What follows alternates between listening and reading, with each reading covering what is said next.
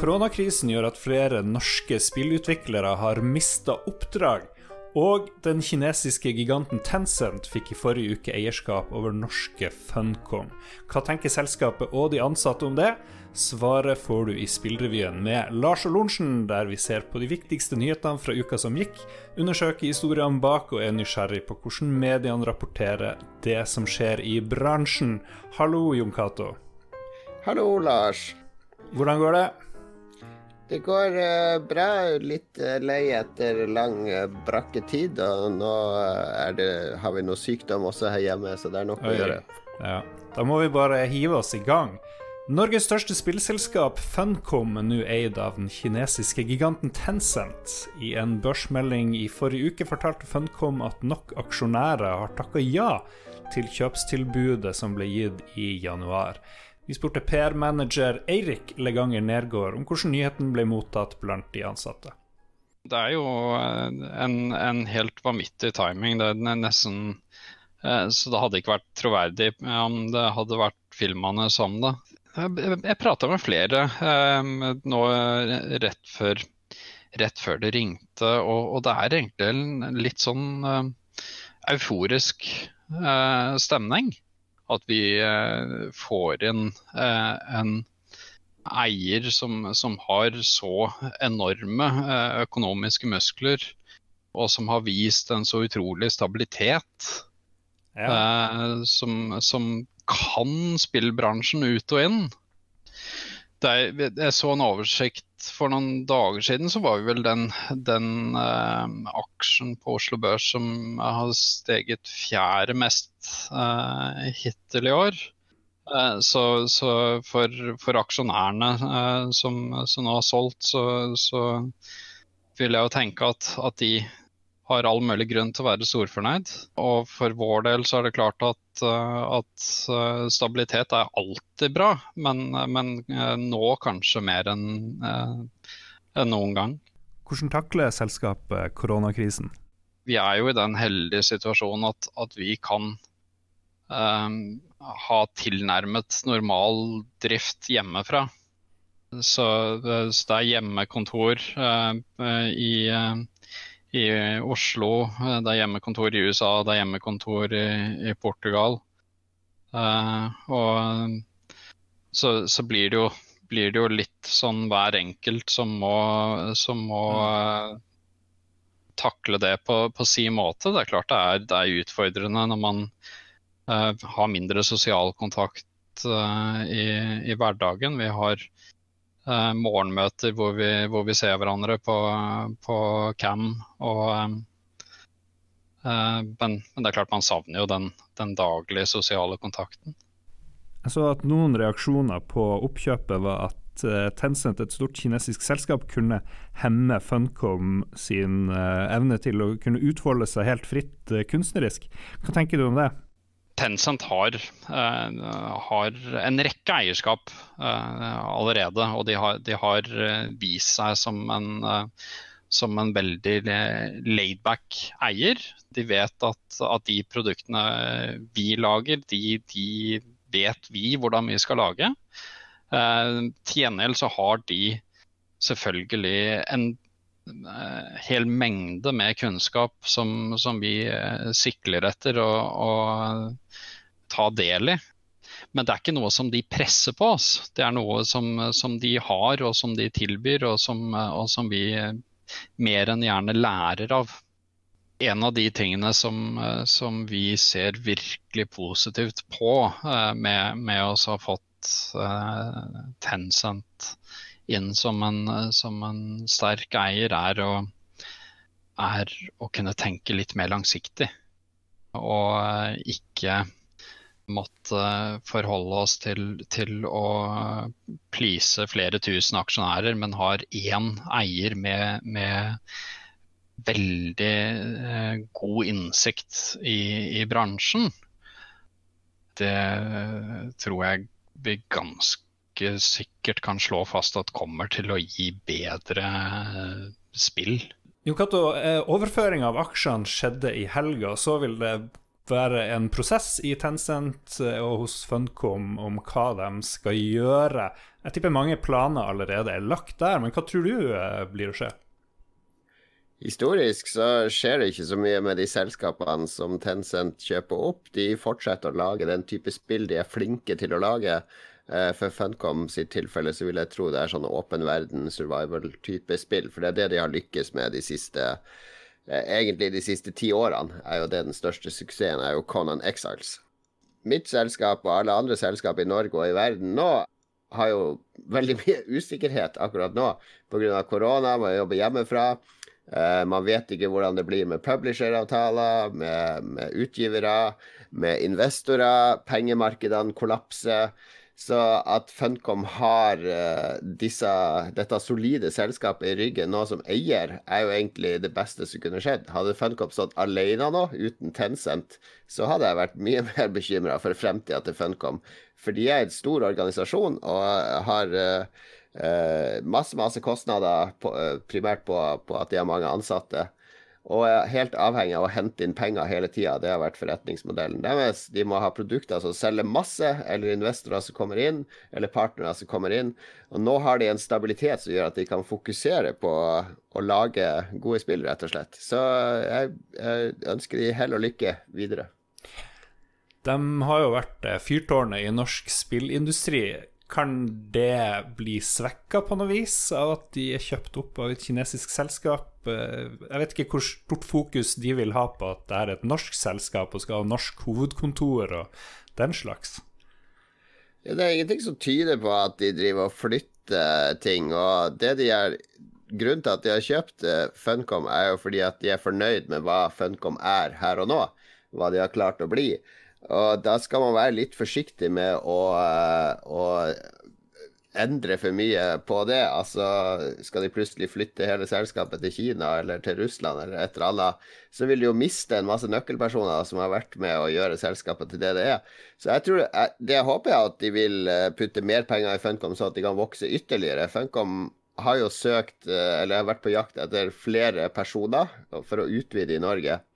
Eh, at de kan hjelpe med å rekruttere her, at vi kan få Funcom som vokser i Norge. fordi det vil jo også gagne oss andre som er i Norge. At hvis Funcom blir større, så vil det bli sånn nedfallsfrukt på alle de andre utviklerne i Norge. Det vil komme mer kompetanse til Norge, det vil komme mer arbeidskraft til Norge. Eh, Norge vil være et mer attraktivt sted å jobbe for spillutviklere. Så jeg håper at Funcom vil, vil vokse seg enda større nå som Tencent-pengene er der.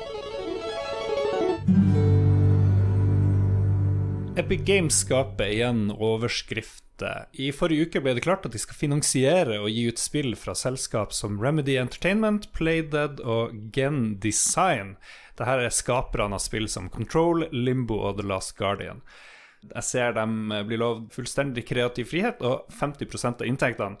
Vi vet jo at Fortnite-suksessen gjorde at de bl.a. kunne finansiere den Epic Game Store. De er en stor konkurrent voksende konkurrent, kan vi kanskje si, til Steam. Ja, i gamle dager så var det jo sånn at hvis du skulle lansere et spill, hvis du satt hjemme og lagde et spill med noen venner, så måtte du kontakte en eh, publisher eller en utgiver. De hadde da kontroll over eh, fabrikker og, og produksjonsmidlene. For da måtte du produsere spillet på disketter eller kassetter eller eh, cartridge eller whatever og få det distribuert ut i butikker. Lekebutikker, spillbutikker, elektronikkbutikker. Og med en markedskampanje i ryggen, og så måtte spillet selge, og så tar publisher en stor andel av uh, salgsinntektene, og så har man en avtale med om royalties eller noe sånt, som da drypper tilbake på en. Så det var man 100 avhengig av på 80-tallet, 90-tallet, helt fram til 2000-tallet, når Steam kom, og digital distribusjon av spill ble vanlig, for da kunne plutselig utviklere bli sin egen publisher. Problemet nå med å være det, er jo A. For det første trenger du penger til å utvikle spillet ditt. Så hvis du er et team på 30 personer som bruker tre år på å lage et spill, så koster det opp i 40-50 millioner, 60 millioner kroner kanskje, å lage det spillet. Og hvis du ikke har en veldig dyp lommebok sjøl, så er du avhengig av å få de pengene på et eller annet vis. Og da er det veldig vanlig å snakke med en eh, utgiver som da kan si at vi kan betale utviklinga av spillet, og så kommer det en eller annen veldig streng kontrakt. Og her har det vært mye rare kontrakter. Noen av de insisterer på at utgiver eier alt. altså merkevaren du har laga, alt sånn. Så hvis du ender opp med å lage f.eks. Minecraft for en sånn utgiver, så eier ikke du som har funnet på konseptet og utvikla konseptet, du eier ikke Minecraft lenger. Ja, Nå sier vel Epic Games at de skal de gir rettighetene til de som Ja, Epic Games sin avtale er veldig raus. For det første så beholder du som utvikler rettigheter. Så lager du det neste store, så eier du rettighetene på det sjøl. For det andre så har de en sånn 50-50 Altså, de fullfinansierer utviklinga. Så koster det 60 millioner å lage, så får du 60 millioner for å lage det. Og så har de en 50-50-share av inntektene. Epic Games Store virker veldig offensiv og utfordrer nå de her eh, Electronic Arts og Ubisoft etter at de har også utfordra Steam. Hvor du tror det ender det her? Fins det noen andre deler av spillbransjen de kan uh, hisse seg på? Nei, jeg syns jo bare at de skal uh, markere seg og trampe hardt. Og som utvikler så setter jeg jo bare pris på at det kommer flere aktører inn som er villige til å Eh, finansiere utvikling av spill med gode avtaler.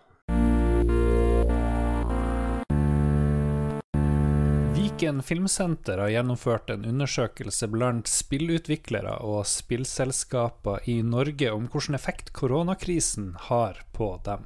Elleve personer har hittil svart på undersøkelsen, der to sier at de har mistet oppdrag, mens én sier at oppdrag vurderes utsatt.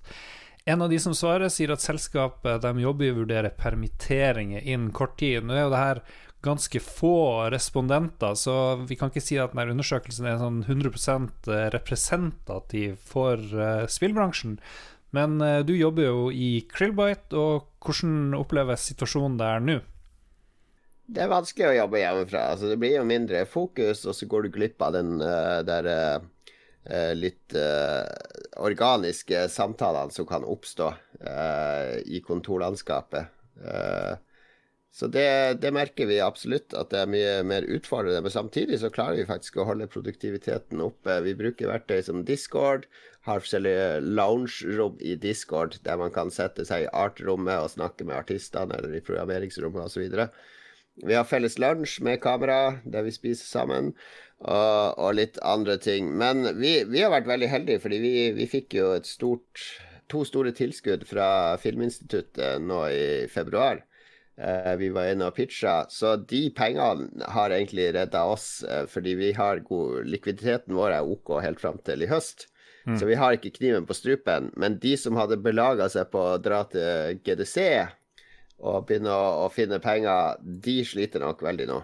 Det jeg ser at svekka kronekurs er en liten trøst, fordi eh, dollaren er så mye mer verdt. Du får mer igjen når du selger penger. Ja, så lenge du har produkter ute i markedet, eller hvis du har vært smart og landa en avtale med en publisher Ofte i sånne publisheravtaler så får du månedlige utbetalinger. Hvis, den, hvis du lander den avtalen nå i kroner i stedet for dollar, så, så, kan, så er det nok noen som er riv, håret, riv seg i håret. Mm. Hvis du har den avtalen i dollar i stedet for krone, så får du jo mye mer hver måned når krona er svak.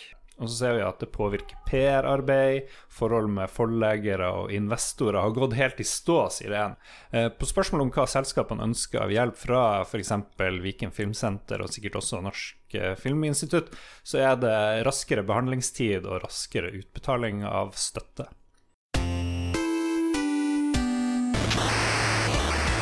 Sony setter ned hastigheten for nedlasting av spill til PlayStation. Tirsdag fortalte det japanske selskapet at de har justert hastigheten for å sikre generell stabilitet på nettet.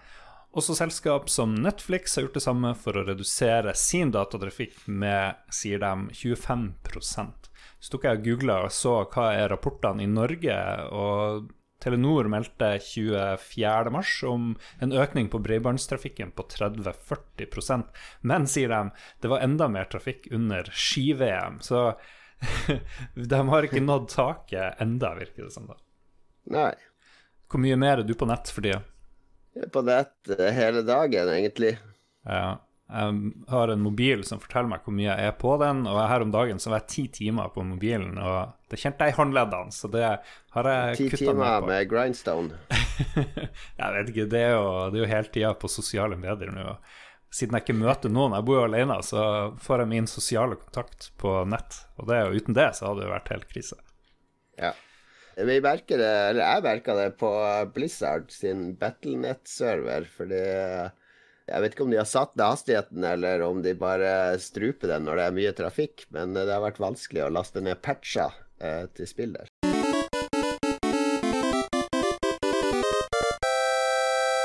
Hver uke ser vi på de siste spillutgivelsene, Jon Cato, og vi har allerede nevnt Half-Life Alex, som kom eh, for nøyaktig én uke siden.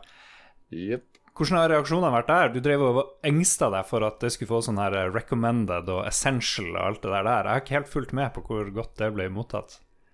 Det har blitt godt mottatt, virker det som. Det er nok eh, Det er jo Half-Life-universet, så det i seg sjøl er jo nok til at folk som elsker spillserien uh, liker det veldig godt. Men nei, jeg, har ikke, jeg, har ikke, jeg, har egentlig ikke sett noe nei. som helst på det, heller. Det er nei. ikke så viktig. Nei, det er ikke så viktig. Men du, eh, du følte ikke du hadde VR-utstyr bra nok, og det var derfor du var engstelig for at det var Nei, jeg har ikke VR-utstyr som er bra nok, og, og ikke klarer de å produsere VR-utstyr fort nok heller nå. Hvis du skal Valve sitt eget VR-utstyr, som jo spillet egentlig er laga for, så er jo ikke det mulig å oppdrive, og det selger jo ikke til Norge engang. Bleeding Edge kom ut denne uka. Et multiplayer melee brawler-spill fra Ninja Theory, som jo har et godt rykte på seg. Det kom til PC og Xbox. Ja, det er litt sånn Overwatch, uh, Apex Legends-utfordrer. Mm. Sånn online Det er vel gratis òg, tror jeg. Ja, så er det fokus på slåing og sparking og sånne ting, og ikke skyting. Og det skiller seg jo litt ut fra konkurrentene. Absolutt. Så har jeg ført opp Panzer Dragoon remake til eh, Nintendo Switch. Jeg syns jeg husker at det var en stor favoritt på 90-tallet hos deg. Ja, det var Sega, Sega Saturn-spillserie som egentlig ikke har holdt seg så godt i hovedspillene. Men de hadde en spin-off-spill som heter Panzer Dragoon Saga, som var et sånn eh, japansk rollespill satt i den verden. Og det var helt magisk. Så jeg jeg kan vente med de Panzer Dragoon-remaken, men hvis de kommer med en Panzer Dragoon Saga-remake, så er jeg klar. Vi er ferdig, og i mellomtida, mens du venter på neste ukes spillrevy, så kan du høre på Lolbua, hvor vi eh, samler en gjeng og har det eh, mer fokus på gøy og moro og populærkultur. Og du kan også høre Jon Cato sin DJ-sett hver lørdag, eh, som nå foregår under koronakrisen. Det er veldig bra. Hva mer er det folk skal gjøre? Twitch. Twitch, ja. Hva mer er det folk skal gjøre inntil eh, neste mandag? Holde seg innendørs, spille masse dataspill.